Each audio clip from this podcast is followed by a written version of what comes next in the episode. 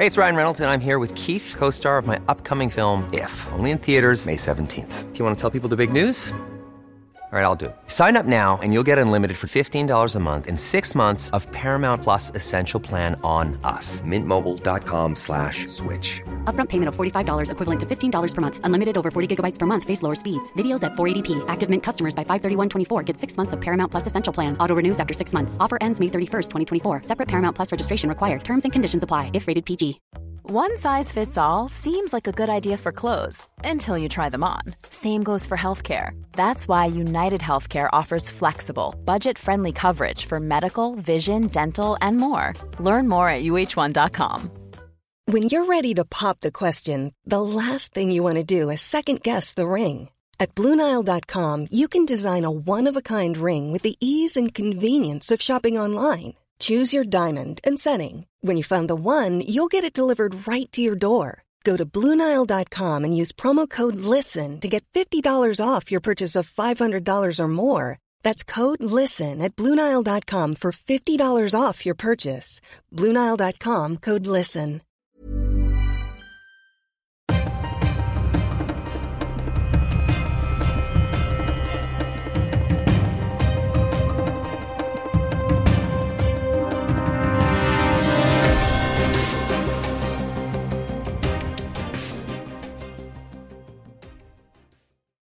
Sådär, då säger vi än en gång hej och mycket varmt välkomna till ett nytt avsnitt av dagens Juridikpodden. Idag med eh, krispigt studioljud. Äntligen Stefan. Äntligen, och nu står vi dessutom i ett helt nyrenoverat eh, rum i vår studioutrustning som luktar målarfärg till och med. Ja, det är rent och fräscht och vi står upp idag. Ja, det är bara det att eh, man får sträcka på benen känns lite sådär ungdomligt tycker jag. Det är nästan så att vi skulle haft en sån här liten eh, webbkamera här så vi hade kunnat webbsända den här eh, poddinspelningen. Ja, vi kanske ska förskona våra lyssnare från att det här ska bli tv. Det räcker med som det är att behöva höra våra röster kanske. Ja, även om du har en väldigt snygg kostym på dig idag Wille. Det har jag alltid. Den här är extra snygg. Ja, extraordinärt snygg, ja. Italian. Ja, jag vet att du gillar italienska kostymer. Skräddarsnittade. Mjuka axlar och breda slag är mina ledord när det Ja. gäller kostymer. Ja, däremot så har du tre knappar och jag har alltid kört två knappar i mina kavajer Jag med, men det här är en så kallad rullad trea, det vill säga att eh, den här tredje knappen den syns inte om man har en skräddare och en eh, säga, tvättare som vet hur den här kostymen ska pressas så kommer den att vara osynlig. Ja, det är skönt och dessutom så kan man ju då om man har en väst under en treknappad kavaj eh, det blir på något sätt lite spelar bättre tycker jag än om som jag själv då oftast har två knappade kavajer och då passar det inte på samma sätt med väst under av någon anledning. Jag ska knäppa den här för dig, sen ska jag visa dig att det inte kommer synas att det är tre Ska vi prata lite juridik eller något Ja, men annat? det kan vi göra. Vi- kan gå från eh, trevliga kostymer till eh, män och kvinnor som gärna ofta eh, bär kostym, nämligen eh, våra kungligheter. Det är ju så att eh, i ett av våra grannländer så ska det nu ske abdikering. Drottning Margrethe heter hon va? Mm, ja, det gör hon kanske. Hon är i alla fall släkt med vår kung och han heter ju inte Margrethe utan någonting annat, nämligen Carl Gustaf. Hon ska abdikera och hennes son ska ta över eh, här nu på söndag som för övrigt är min födelsedag den 14 januari. Så det är ju lite Jaha. trevligt att den för evigt kommer att bli förknippad med eh, abdikeringen av den eh, danska drottningen. Eller hur? Ja, och det är inte varje dag man är bortskämd med att en statschef som är icke folkvald abdikerar. Va? Utan det är inget vi brukar se här, i, i alla fall inte de skandinaviska länderna som ju är monarkier alla tre. Va? Nej, oftast så känns det väl, eh, nu ska jag verkligen säga att det här är bara en känsla, men eh, det känns ju ofta som att det handlar om att en kunglighet har begått någon form av snedsteg eller att det har blivit väldigt mycket negativ rapportering. Den spanske kungen abdikerade väl här för några år sedan, Juan Carlos var lämnade över till sin son och då handlade det ju om saker som han faktiskt tror jag står under någon rättsprocess för fortfarande. Pengar som hade flyttats till Dubai eller någon annan arabstat och så vidare. Oklart. Vi ska faktiskt säga lite grann för balansens skull att just Spanien är ju ett av de, om inte det enda så i alla fall ett av de ytterst få länderna i världen som har gått från republik till monarki efter, efter eh, Francos härjningar. Va? Och eh, även jag som inte är någon stor kramar utav monarkier eh, konstitutionellt perspektiv måste säga att det där kanske var rätt vettigt efter den diktatur som då rådde. Nu ska vi inte prata statsvetenskap och, och, och, och sådär utan vi ska snarare tänka på att den här eh, abdikeringen utav eh, den danska drottningen ändå väcker vissa tjänster kring de grundlagar vi har. Ganska samstämmiga konstitutionella Eh, Eh, bestämmelser kring sånt där och att eh, frågan då har väckts om den svenska kungen skulle göra samma sak och avsäga sig sitt statschefsämbete till förmån för sin dotter Victoria. Och eh, det har ingen Bernadotte i varje fall någonsin gjort i Sverige sedan Jean Baptiste Bernadotte blev kung i, i, i, vårt land. Va? Alltså de här frågorna tycker jag ändå har blivit mer intressanta och mer aktuella än på länge i och med alla de här dokumentärerna och reportagen och, och allt annat som det har varit kring eh, kungens eh, jubileum här, 50 år på tronen, när han har pratat mycket om det här med eh, hur ska monarkin kunna leva vidare som en symbol i, i framtiden och hur ska man arbeta och han säger ju ofta att det är viktigt kanske att att eh, kungahuset och monarkin inte blir för öppet, inte kommer för nära folket och så vidare. Att man inte faller för en eh, PR-byrås eh, strategi om att liksom, eh, komma ner på våran nivå, så att säga, den folkliga nivån, utan att det är viktigt för monarkin, att det finns så att säga, mystiken finns kvar och så vidare. Eh, här är ju frågan då, om man nu ska vara i tiden, det är ju ett delikat problem här för kungahuset, så, så är det väl många som tycker att det kanske skulle vara en så att säga publicistisk PR-mässig fördel för den svenska kungen att i samband med det här nu eh, tycker en del då tar sitt förnuft till fånga och lämna över svenska tronen till Victoria. Jag vet inte hur du känner det, om det skulle vara PR-mässigt fördelaktigt för kungen att, så att säga, abdikera eller att dö med titeln i behåll. Ja, ja eh, usch, vilken fråga. Jag tror i och för sig, jag, jag säger ja och nej på den, men alltså jag tänker så här att i den kontinuitet som då är en av de positiva delarna med att ha en monarki onekligen, eh, så måste man ändå säga så här att de förändringar som görs och de, de eh, även formellt juridiska förändringar som har skett. Jag menar, jag behöver inte gå tillbaka till grundlagsändringar som har med kvinnlig tronföljd att göra utan man kan även titta på mer, i och för sig formella men inte konstitutionella frågor som har ändrats bara för ett par år sedan i den svenska, i den svenska, inom det svenska hovet där man då tog bort eh, när, kungen i samråd med riksmarskalken Fredrik Wersäll eh, kom fram till att man skulle ta då bort eh, privilegierna ifrån prinsessan Madeleine och prins Carl Philips barn. Va? Därför att det var sannolikt var skattebetalarna som då bekostade det här teaterstycket eh, skulle kräva att man, det var konstigt att vi hade en prinsessa som bodde i New York och inte säga, uppfyllde någon form av ceremoniella eller representativa uppgifter men ändå hade del av apanaget. Och då, då så att säga, gick man in och gjorde en förändring i det. Och så vet jag har förstått har man gjort det även i Danmark. Eh, därför att den, han heter prins Joakim tror jag. Han var ju väldigt sur när något motsvarande skedde då för ett par år sedan i Danmark. Att han, han, han så att säga, tyckte det var en förolämpning mot, mot hans barn och att det var liksom en, en del av deras identitet att bli av med det på det här sättet och så vidare. Men det är i varje fall ett exempel på hur man, om man nu kallar för moderniserar ett uråldrigt system utifrån kanske, om vi nu ska röra oss i de yttersta häraderna av demokratin utifrån vad folket så att säga kan acceptera i de här sammanhangen. Så vet jag inte om, om vi skulle ha en majoritet som hellre ville ha Victoria som regerande drottningen, vår nuvarande kung, som kung. Det, det överlåter jag åt royalisterna att svara på. Du är själv inne på kontinuiteten här. Det som har varit den stora snacksen den här veckan har ju varit uttalanden från Ulf Kristersson och Carl-Oskar Bolin och ÖB och sådär när det gäller eventuella risker för ett väpnat angrepp eller, eller eh, ett, ett krig i Sverige. Och då kan man ju ställa sig frågan, vilken roll tror du att kungen skulle spela Eh, i en krigssituation 2024, 2025. Det är lite skillnad, det är inte Karl XII här som själv kommer dra på sig uniformen och, och, och åka till Ukraina, men vilken roll skulle kungen spela? Finns, det,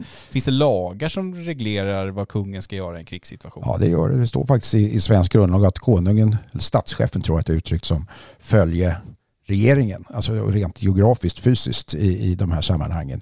Och eh, det finns en, en viss reglering i grundlagen kring hur kungen ska agera. Han får ingen utökad eller minskad roll eller så, utan man får nog snarare se det som att i läge av kris eller krig i, i, i ett land så, så vet vi ju av hävd att, att, så att säga, nationaliteten och försvarsviljan eh, till stor del bygger på att man har en gemenskap och en sån gemenskap utan tvekan kan naturligtvis förstärkas om du har symboler som till exempel en, en, en kung som är liksom den yttersta, det yttersta eh, förkroppsligandet av Sverige som nation. Även om han är kung av Guds nåde så är han ju trots allt människa. Jag tänker så här, vi började ju med att uh, prata om min snygga kostym och sen så gick vi över och pratade om uh, kungahuset här och abdikeringar och så vidare. Varför? Ja, precis. Ja, men det fanns ju synergieffekter. Ja, ja, det finns ju synergieffekter både mellan mig och kungahuset och kostymen och kungahuset. Men det kan vi ta i en annan podd. Men kungahuset har ett bra apanage, eller hur? Och eh, nu tänkte jag att vi skulle prata om eh, människor som tjänar bra. Det kanske finns en koppling mellan gott apanage och goda löner också. För att eh, precis som vi nämnde i förra podden så sammanställde jag under förra veckan lönerna för en, en del eh, myndighetschefer inom rättsväsendet men för all del även inom andra myndigheter och det man kan konstatera där, precis som jag sa förra veckan då, att Petra Lund är ju överlägset får man säga bäst betald inom rättsväsendet. Det är tidningen Publikt som har grävt fram den där siffran om att hon då ska nu som rikspolischef tjäna 188 000 kronor i månaden och det är väl eh, kanske inte så konstigt att hon tjänar bäst för hon är också chef för den största myndigheten.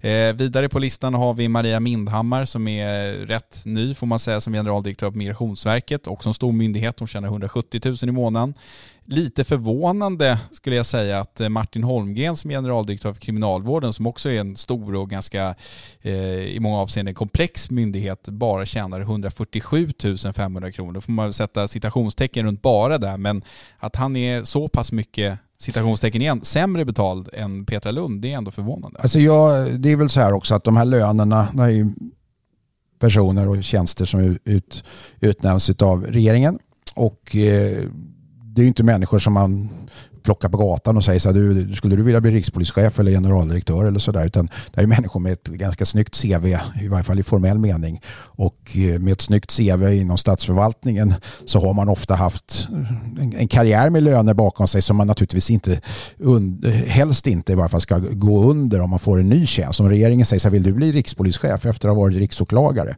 så, så är det rimligt att man så att säga åker upp, inte minst med tanke på att Polismyndigheten har ja, 30 000 anställda medan åklagarmyndigheten väl har några tusen anställda.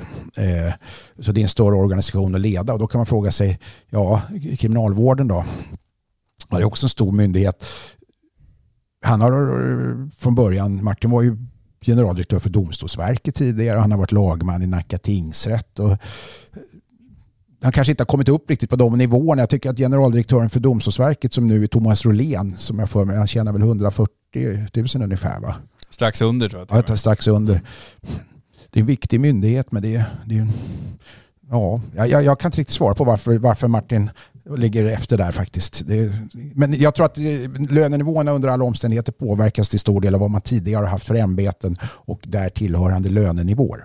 Så kan det säkert vara, men intressant Eh, jämförelse då kan man säga att eh, Thomas Rolén tjänar 134 700 kronor i månaden. Eh, den bäst betalde lagmannen i Sverige tjänar strax över 126 000 kronor i månaden. Det är så att säga en väldigt liten skillnad mellan Domstolsverkets generaldirektör och den som är lagman vid Stockholms tingsrätt. Där tycker jag nog kanske att skillnaden skulle vara lite större, åtminstone symboliskt sett att Thomas Rolén skulle åtminstone tjäna kanske 10 000 kronor mer i månaden än, än den bäst betalde domaren, eller? Ja, nu är det ju så att Thomas Rolén inte är i en... Han är ju liksom inte chef över lagmännen, de är ju självständiga myndigheter i, Nej, var, i vart fall menar, i sin, i sin dömande verksamhet. så står han ja, jag förstår. Ja, ja, ja, i någon mening. Samtidigt så är... Och Thomas Rolén är ju själv gammal domstolschef som kammarrättspresident i Stockholm och, och, och så. Så att, ja, nej men det, jag tror att man kan sluta sig till åtminstone att det är fler saker än myndighetens storlek och det ansvar som, som man så att säga, bekläder i sitt ämbete som avgör nivån på lönen. Det vill säga bland annat vad man tidigare har befunnit sig på. Vill regeringen ha en före detta riksåklagare till ny rikspolischef så, så får man liksom bjuda till där och, och utifrån vad hon hade som RÅ. Det var inte så dumt det heller tror jag. Och hennes föregående jobb innan hon blev RÅ det var ju att vara lagman vid Södertörns tingsrätt, i och för sig som är en av Sveriges största tingsrätter ska vi säga. Och så har hon med en liten kort seans va, som Svea hovrätts president mellan RÅ-tiden och det som hon nu då har rikspolischefstiden. Så får vi se hur det går. Så är det och det resonemanget som eh, du nu har fört här om att man så att säga förtjänar sin lön över tid som generaldirektör, det tycker jag är intressant. Om man tittar lite utanför rättsväsendet så ser vi att den tidigare generaldirektören för kriminalvården, Nils Öberg, han är alltså den näst bäst betalde myndighetschefen i hela Sverige. Han tjänar 176 500 kronor i månaden. Och jag på Försäkringskassan nu? Ja. ja, det är också en stor. Det är också en stor myndighet, men han, om man då Eh, tittar på Martin Holmgren så lär han ju ha tagit ett rejält eh, hopp upp då när han flyttade från kriminalvården till Försäkringskassan. Ja, då, naturligtvis i eh, kraft av mitt ämbete så som skattebetalare, om det nu är ett ämbete, så måste man naturligtvis ställa sig frågan, förtjänar de de här pengarna? Och svaret på, på den är ja, om de gör sitt jobb på, på, på ett bra sätt. Och det har ju många gånger sagts att kunna upprätthålla en god kvalitet på myndighetschefer kräver en lönenivå som om inte kan jämföra sig med kanske näringslivet men som i varje fall känns premierande i förhållande till att vara citat vanlig handläggare slutcitat eller mellanchef eller någonting i den stilen. Samtidigt ska man göra klart för sig att Ingen nämnd och ingen glömd, men det finns ju myndigheter i Sverige som har förvisso väldigt många anställda men som kanske inte går att i effektivitetshänseende jämföra med till exempel ett börsnoterat bolag när det gäller, krav på, på ja, när det gäller kraven på visade resultat så kan de säkert jämföra sig. Men när det gäller uppfyllelse av kraven så kan de inte eh, jämföra sig med många kommersiella bolag. Då. Med detta icke sagt att alla kommersiella bolag är effektivitetsmaskiner men det ligger någonting i den här riktningen att diskutera i varje fall kring har man en hög lön så måste man också kunna vara beredd på att allt från att fronta i media gentemot de som betalar den höga lönen, nämligen skattebetalarna stå för det man har gjort och det man inte har gjort och ta åt sig ära och berömmelse när man förtjänar det men också, också kritik och, och för den delen skam när man har gjort något som är, är, skamligt och så vidare. Och det där är det ibland lite si och så med. Än en gång, ingen nämnd och ingen glömt. Men det där kan vi diskutera till förbannelse. Ja, det kan man verkligen och jag tycker att det är intressant det du är inne på där. För om vi tittar på andra myndigheter, ta en sån som Finansinspektionen till exempel. Daniel Barr, han är generaldirektör där och tjänar 145 000 kronor i månaden. Det är ju, det är en en generaldirektörspost där man kanske behöver locka människor som i annat fall hade så att säga eh, hamnat i näringslivet. Som kanske har de här finansmässiga kompetenserna som man skulle kunna använda för att jobba på ett större konsultföretag eller på någon av storbankerna eller på någon investmentbank eller vad som helst. Då kanske 145 000 kronor är lite snålt. Den diskussionen har ju varit uppe när det handlar om att hitta kompetens bland åklagare på Ekobrottsmyndigheten inte minst. Finansmarknadskammaren till ja, exempel. Precis, hur ska man locka någon med de kunskaperna med juridisk utbildning att eh, hamna som åklagare på en myndighet som väl generellt sett har varit eh, ganska snåla med att betala bra löner. Hur, hur, ska de hamna där? Så det är ju inte bara en skvallermässig fråga att prata Nej. löner i offentlig sektor. Nej, men jag menar, nu råkar jag känna till ett exempel. Alltså Jonas Myrdal heter han väl som är på Finansmarknadskammaren, en av åklagarna. Han kom ju från finanssidan tidigare som både jurist och han har haft ansvar för viss börs, börsövervakning och, och handelsövervakning och är väl egentligen inte primärt haft en operativ juristroll i, i finanssektorn utan haft en hel del andra jobb honom lyckas man ju trots allt få över till åklagarsidan och jag vet att han är där nu i det är bara ett konstaterande. Va? Eh, Absolut, man kan inte räkna frågan, att alla ska brinna för det man gör. Min fråga var egentligen så här, utan att kunna ge ett svar på den. Man frågar sig, den lön han har som kammaråklagare vid Finansmarknadskammaren på Ekobrottsmyndigheten, hur står den i paritet till de löner han tidigare hade när han satt på den andra sidan, så att säga på finanssidan? Det, det går naturligtvis att kontrollera eller ta reda på. Det har vi inte gjort för vi hade inte planerat att prata om just det här, men, men, men det är en intressant fråga.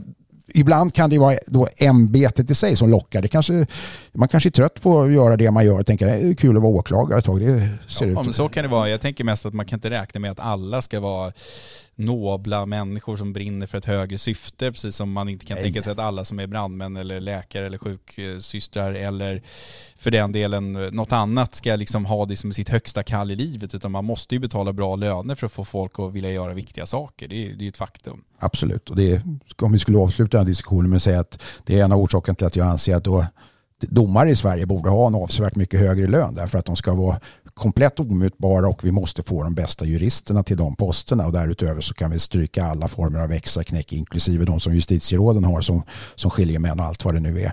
Eh, för min del, det är en piss i Mississippi i statsbudgeten kan man i princip dubbla domarlönerna och säga fasiken nu får vi riktigt bra tunga jurister som vill vara med och vara med på juridikens slutstation där den avgörs till syvende och sist, nämligen i domstolarna. Det vore något att tänka på för en regering. Kan inte du löneförhandla för mig och köra lite samma retorik? Det kan jag absolut göra. Vi har väl löneförhandlat du och jag någon gång i tiden, men det är många år sedan. Det ja, men nu kan ju du vara min eh, så att säga, agent. ja, jag ska, jag ska lägga ett gott ord för dig, Ville.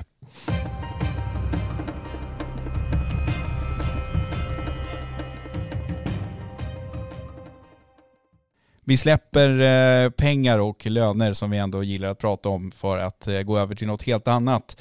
Vi har ju eh, de senaste veckorna pratat ganska mycket om justitieombudsmannen och så kallade OPCAT-granskningar och annat som har med JO att göra och vi är inte riktigt klara än Stefan för de här OPCAT-granskningarna de fortsätter att publiceras från JOs sida och jag tycker verkligen att de förtjänar uppmärksamhet.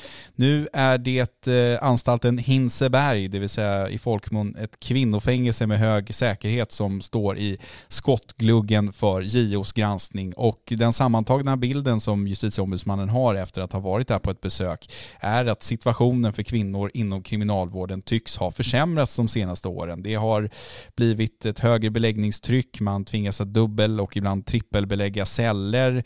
Eh, det innebär i sin tur att vissa intagna på den här anstalten tvingas att underkasta sig, eller åtminstone riskerar ibland att tvingas underkasta sig strängare restriktioner och annat som de kanske annars inte skulle behövt ha för att de samsitter så att säga med personer som sitter på längre eh, fängelsestraff och så vidare. JO konstaterar för all del att eh, fängelset eh, liksom ger ett gott allmänt intryck och lokalerna är fräscha och biblioteket är välutrustat, sysselsättningsgraden är hög och så vidare.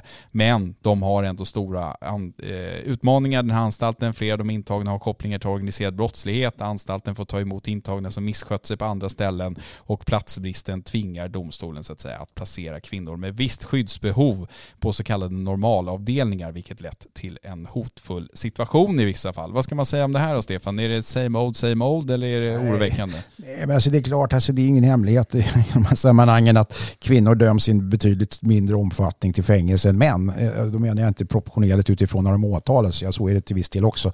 Men, men utifrån att de flesta, allra flesta brott, brotten begås av män utifrån i varje fall de anmälningar som upprättas och förundersökningar som inleds.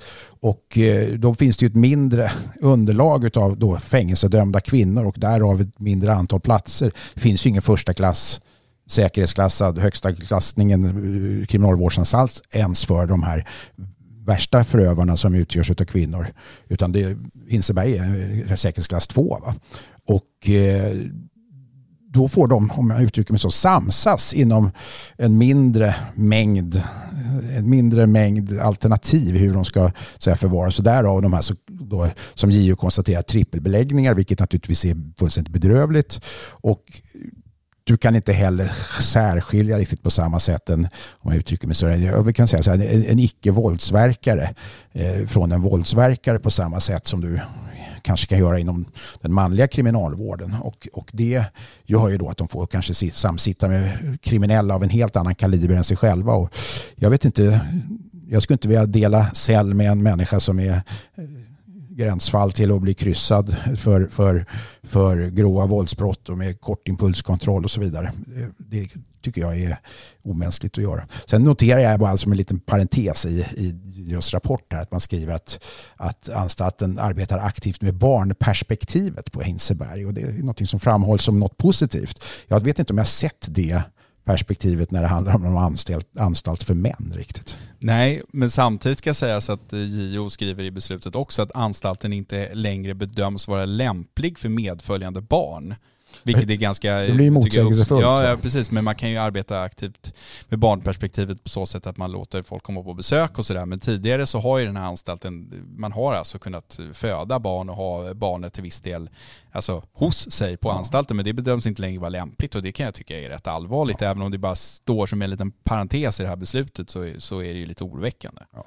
Nej, precis. Absolut. Det kan man Sen säga. kan man fråga sig hur lämplig en anstaltsmiljö är för barn nej, oavsett men... vad. Men i vissa fall kanske är oundvikligt. Ja, det är väl så jag inte minns fel, nu många år sedan, jag tog del av de bestämmelser som gällde då, men jag för mig, och det kan vara så fortfarande, att om du är dömd till ett fängelsestraff på maximalt ett års fängelse va, och till exempel är gravid när du döms, så, så får du både föda och sen ha barnet hos dig i fängelset under verkställigheten. Men däremot om du är dömd till ett längre fängelsestraff så, så, så kommer barnet att fosterhemsplaceras därför att det är inte lämpligt att barn över ett år befinner sig i den här miljön. Och då vet jag att man bland annat i Hinseberg har haft särskilda celler för eh, bo, bostadsrum som det numera brukar framhållas att det heter. Man får inte säga celler och sådär. Utan det, man ska helst inte säga fängelse utan man ska prata om kriminalvårdsanstalter även om det heter fängelselagen trots allt. Så, så du, något som, som det här beslutet aktualiserar tycker jag, det, det är väl återigen så här, är kvinnor i anstalt en sån där fråga som, som har negligerats under lite för lång tid. Och sen så har man noterat nu att det är kvinnor som dras in i organiserad brottslighet och det är fler som döms för brott och sen så finns det liksom inte varken anstalter eller resurser för att kunna ta hand av en, om en ökad kvinnlig population på anstalter och att det är lite en, en svart fläck inom den svenska kriminalpolitiken. Det är väldigt sällan det pratas om kvinnor som begår brott och hur man ska hjälpa dem och hur de ska sitta på anstalter och så vidare. Det är ju män och män och män och män och det är inte så konstigt med tanke på att de flesta som begår brott är ju trots allt män och åtminstone sitter på anstalt för grova brott och så vidare. Men, men tror att det här är lite av en svart fläck som man måste titta lite närmare på? Det är det säkert. Alltså, vi har ju allt för stor omfattning haft någon traditionell syn på att det här med kvinnor som döms för brott eh, då i en stor omfattning snarare beror på omständigheter som de inte själva rår över utan snarare är offer för, för, för omständigheter eh, som, som många gånger män har ställt till det och så är det ju ofta också men det finns ju kvinnor som är både förslagna och hemska eh, i sina gärningar eh, och sina uppsåt eh, som också ska straffas hårt. När vi nu ser att det här börjar bli då fall som kanske inte, är, inte enbart eller till sin största del utgörs av då, alltså, emotionellt begångna dåd. Alltså folk som är i hett blod, vilket ofta när det gäller dödligt våld och kvinnor har ju visat sig vara betydligt vanligare än hos män, nämligen att man, man, säga, man planerar inte dåd i, i kallt blod och begår sen, utan det är ofta så att det riktar sig mot män som har betett sig illa emot kvinnorna och så vidare. Eh, och om man då tittar på det som vi har sett bara de senaste åren, att kvinnor i en större omfattning faktiskt döms för inblandning i organiserad brottslighet och medverkan i de sammanhangen så ställs ju din fråga på sin yttersta spets. Har vi resurser och, och, och kunskap kring att kunna hantera och ta hand om, om om det här och vad är, är bevekelsegrunderna för kvinnor annorlunda än för män när de begår den här typen av brott? Det vet vi inte, eller det vet säkert experterna. Det finns säkert forskning på det och jag, det lilla jag vet är att svaret är att det inte alltid är likadant. Det finns andra motivbilder bakom och, och så vidare. Och har vi då verktyg för att kunna råda bot på det här? Svaret på den frågan är sannolikt nej.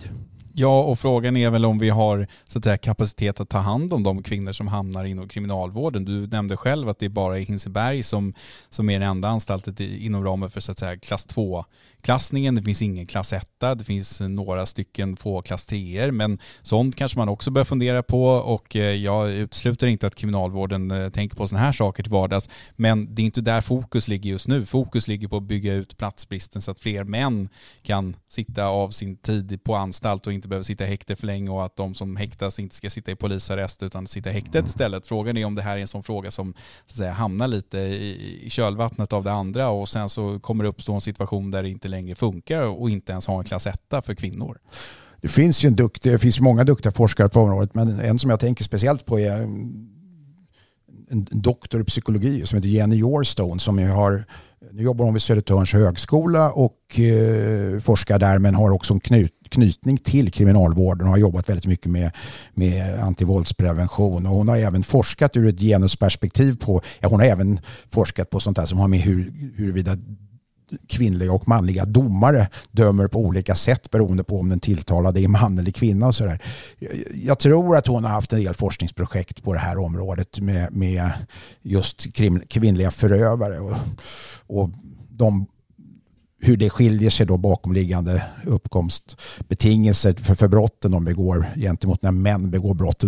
Och det här är alltså på gruppnivå mer än på individnivå naturligtvis. Men det, ja, det, det här är en intressant fråga därför att får vi nu en allt mer differentierad eh, kriminalitet som de här då inte minst kvinnorna som ingår i den grova organiserade brottsligheten eller den gäng och nätverksbrottsligheten döms för, då, då, då vill det sig nog till att man kan hitta mekanismer och angripa, även om inte ska vi säga kriminalvården är särskilt bra på det heller när det gäller, när det gäller män. Ska jag, jag återkommer med den här papegojans envishet till det gamla faktum som har varit så länge jag varit med i den här branschen, att om du är lagförd vid minst tio tillfällen eller för minst tio brott och, och så har du en återfallsrisk på ungefär 90 procent att du inom tre år sitter på kåken igen och det är liksom ingen drömfabrik om man tittar på det ur ett vårdperspektiv.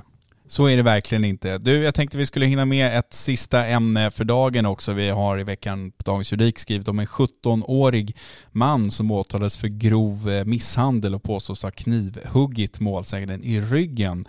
Han eh, frias i både tingsrätten och hovrätten trots att han har erkänt den här gärningen. För såväl tingsrätten som hovrätten anser nämligen att det inte kan uteslutas att han har tagit på sig skulden för någon annans räkning. Och det här är ju en sån fråga som ofta splittrar de som eh, ja, läser rättsfallsreferat eller korta tidningsnotiser eller annat och tycker att hur kan man frikänna som man själv har gått till polisstationen och tagit på sig en grov misshandel, ett allvarligt brott, påstår sig ha knivhuggit en annan person i ryggen med machete som är 20-30 cm lång och personer i fråga har fått allvarliga skador och sen så vidhåller man det här erkännandet genom hela domstolsprocessen och så frias man för att domstolarna känner att nah, det där erkännandet kan man inte riktigt lita på. Det är inte säkert att han inte har tagit på sig skulden från någon annans räkning och så vidare. Det här är inte så vanligt och det väcker alltid frågor och det väcker alltid upprörda känslor bland eh, oss vanliga människor som inte är juristexperter du räknar till de som inte är juristexperter efter alla dina år med din akademiska utbildning inom området så vidare. Det tycker jag, du är en ödmjuk människa, det får jag säga. Hur som helst så är det ju som bekant så att du har en, en en eh, flora av sådana här fall. Även om det inte är särskilt vanligt som du själv säger så det finns flera mord alltså, som, som uh, har fått den här mordmål som har fått den här utgången trots erkännanden. Jag minns själv ett fall för ett tiotal år sedan med någon i södra Stockholm. Det var tre personer där alla hade erkänt på ett eller annat sätt. Uh, åklagaren valde att åtala en person för, för det här uh, mordet och vill jag minnas de andra för någon form av medhjälp eller i vart fall stöttande. Jag minns inte omständigheterna kring det. Men det slutade med att hovrätten friade alla tre om jag inte minns fel. Trots att alla tre hade erkänt därför att man inte helt enkelt kunde klarlägga vad som hade hänt och att det fanns konkreta omständigheter, bland annat ett inspelat telefonsamtal från den här natten när man ringde till larmcentralen som visade att det kunde åtminstone, det kunde inte utslutas på goda grunder att, att det faktiskt inte var den som var åtalad för mord som hade hållit i kniven. Va? Och det slutade med, och det blir en sån här konstig, det blir en konstig rubrik som många reagerar på. Man säger, eh, att alla tre erkände mord, alla frias av hovrätten. Då undrar man ju vad är som hänt. Men faktum kvarstår att rättssäkerheten kräver den här ex officio-bedömningen. Då, alltså domstolen av sig själv självständigt ska, ska göra en bedömning oavsett om det framförs ifrån försvararhåll eller inte. Att, att kan det finnas en möjlighet att människan är oskyldig för att han till exempel tar på sig någon annans brott. Och då ska man ju frias. Sen är det ju så att allvarlighetsgraden av brottet i stor omfattning påverkar möjligheten att få en sån här då, ska säga, ex officio bedömning vid domstol. Således så känner alla till att om du erkänner fortkörning så har till och med polisman på platsen rätt att utfärda ordningsföreläggande utan att på något sätt eh, undersöka om du erkänner felaktigt eller inte. Men, men, när det gäller mord eller som i det här fallet då annat grovt våldsbrott så, och det finns faktiskt anledning att anta att det förhåller sig på ett annat sätt så, så, så, så väljer domstolen i det här fallet att säga att vi kan inte säga att det ställs bort någon rimlig tvivel. Det var ju rätt, eh, ska man väl och säga, ganska svag bevisning i övrigt i det här målet. Varken målsäganden eller ett, ett av de vittnen som hördes kunde ju så att säga peka ut eh, den åtalade 17-åringen som, som gärningsman. Och det var om man tolkar bara domaren utifrån det som jag har läst så, att säga, så var det ju en ganska vag beskrivning av händelseförloppet från den här åtalade 17-åringen och hans berättelse lirade kanske inte riktigt med vad målsäganden och det här vittnet sa och så vidare. Det fanns ingen teknisk bevisning att tala om överhuvudtaget. Så att om man tittade på den övriga bevisningen eh, så att säga, utöver erkännandet så var den väldigt svag och då är det väl ett gott tecken på att, så att säga, rättsstaten och eh, domstolarna fungerar väl om man väljer att fria någon trots att man har ett erkännande kan jag ju tycka. Då. Ja, sen, jag, jag kan inte det här fallet utan och innan, men jag känner till i alla fall något eller ett par tidigare fall där man, om man läser domen och domskälen och vad, vad, vad den tilltalade själv har uppgivit och så vidare så kan man ganska lätt dra slutsatsen, i varje fall i det fallet som jag tänker på nu, det ligger några år tillbaka i tiden, eh, som var liknande det här fallet, att den här människan hade antingen fått betalt för eller sannolikt hotats till att ta på sig det här brottet. Vilket han då enligt den undre världens bestämmelser också gjorde för att inte straffas i den undre världen med den undre världens straffmetoder. Så han gjorde som han skulle göra, nämligen tog på sig det här brottet, erkände hela vägen upp i hovrätten. Men han sa tillräckligt mycket för att kasta in grus i maskineriet eh, och, och eh, domstolen även i det fallet till slut till slut kom fram till att det verkar som om han är hotad eller möjligtvis av andra skäl tar på sig ett brott som han inte nödvändigtvis har begåtts. Så att han så att säga åtnjöt frukten av båda sidorna. Han kunde ha myntets bägge sidor till handa. Han både friades och hade då gjort rätt för sig i den undre världen genom att inte ange och kalla ner den som var den verkliga gärningsmannen. Och då kan det ju i någon förlängning kan man ju tycka att det känns lite stötande nästan att, att men så är det ju det är ett resultat av det system vi har. Vi ska ha domstolar med hög svansföring när det gäller rättssäkerhet, inte minst i form av självständig bevisvärdering, punkt slut. En fråga som eh, väcks hos mig när du pratar om det, liksom vad man kan utläsa av en dom och så vidare, det är ju alltså att när man, när man läser en sån här dom så kan man ju få intrycket av att det har varit ganska självklart för domstolen redan från början att det har varit, så har varit fallet, att man har liksom kunnat tvivla på vad den här åtalade personen har sagt och att de har känt redan tidigt att nah, men det känns tveksamt om det här verkligen är ett erkännande som har bäring på verkligheten och så vidare. Då ställer jag ju alltid mig frågan att när man skriver en dom eller när man skriver en tidningsartikel, när man skriver något annat som, som driver ändå någon form av tes, vilket man gör när man konstaterar att Stefan Wahlberg inte har gjort sig skyldig till det brottet som åklagaren har åtalat honom för. Hur mycket tror du man kan styra läsarens upplevelse och eh, liksom vilken känsla läsaren får av bevisläget genom att skriva en dom på ett visst sätt? Ja, men det är helt uppenbart att det är utomordentligt sällan som en domstol slår fast att någon är oskyldig. Det man skriver är ju egentligen att det man slår fast är att det inte finns tillräckligt bevis enligt, enligt straffrättens eh, bestämmelser eller principer för att fälla människor. Men det går att disponera domar på olika sätt. Absolut. Det finns ju domar där det faktiskt skrivs rakt ut. Eh, till exempel när det är så att den gärning som någon är åtalad för inte ens är kriminaliserad när det rör vissa mer komplicerade bedömningar. Eh, men oftast är det ju bevisfrågor eh, som det faktiskt faller på på ett eller annat sätt och då har vi ju, men det är som i den anglosaxiska rätten, alltså man säger inte guilty or innocent, man säger guilty or not guilty och med det avses ju att eh, antingen är man skyldig eller också är man inte överbevisad om sin skuld men man slår aldrig fast att personen är innocent, alltså oskyldig egentligen. Och det är samma sak här tycker jag att, att formulerar man sig domstolarna är rätt bra, om de vill, så är de rätt bra på att formulera sina domskäl på ett sätt så att en utomstående läsare och inte bara parterna faktiskt, eh, till exempel sådana som vi som yrkesmässigt läser domar och ska rapportera till, till andra om dem, förstår ungefär i vilken riktning det går. Och precis som man kan utläsa i andra former av myndighetsbeslut och sådär utifrån ordval vad man egentligen tror och tycker så, så, så får man ju många gånger en, en känsla för hur de som har beslutat eller i domstolar har dömt faktiskt, vad de faktiskt tror. Att indirekt så står det vi, vi är tyvärr tvingade att fria den här människan till följd av brist på bevis. Så står det ju inte men man kan läsa det mellan raderna ibland. Men det jag ville komma till var lite att trots allt så handlar ju doms, alltså domskrivande också lite om cherry picking. Det är väldigt sällan som man citerar oh ja. ett helt förhör med en tilltalad eller ett helt förhör med en målsägande eller sådär.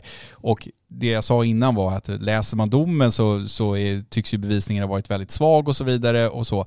Men varför man så starkt tvivlar på att den här 17-åringen i det här aktuella fallet lämnar felaktiga uppgifter mer än att man raddar upp vissa saker han har sagt.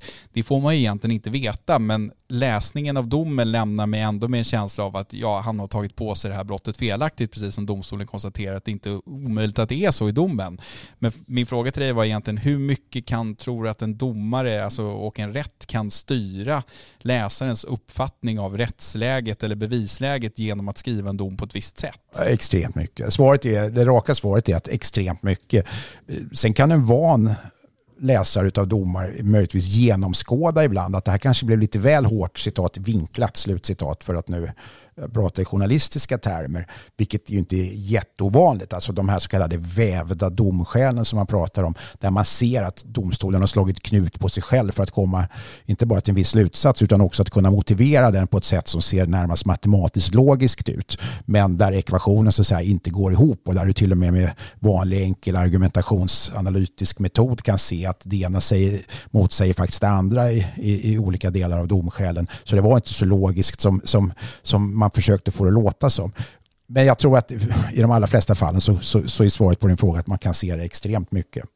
det är intressant, det är ju en intressant sak att studera, inte minst eh, rättssociologiskt eller liksom juridiskt, att man skulle angripa ett större antal domar så skulle man liksom ja, jag vet inte, man lingvistiskt kunna studera dem på något sätt för att jag tycker att det är ändå intressant för man har ju väldigt stor möjlighet att, så att säga, påverka läsarens läsupplevelse genom att skriva en bra, eller enkel eller som dålig dom. Men frågan är så här, hur mycket av ett förhör kan man liksom hålla utanför det som hamnar i, i slutprodukten sen och hur många bevis kan man hålla utanför en dom som kanske inte upplevs som relevanta eller som liksom borde hamnat i slasken från början eller man har rätt stora friheter där som domare. Men eftersom din akademiska specialitet är just rättssociologi, Ville, och du har haft bra lärare på området så frågar man rimligtvis dig. Vad, vad, tycker du själv och vad fick du lära dig av sådana här som professor Håkan Hydén nere på Lunds universitet? Jag, eh, min känsla är i alla fall att man, om man skulle studera det här så, så tror jag att man som domare påverkar läsarens eh, läsupplevelse i väldigt hög grad beroende på hur man väljer att, så att säga, strukturera upp en dom, hur man väljer att disponera den, vad man väljer att ta med och vad man inte väljer att ta med. Och jag menar, det vet ju både du och jag som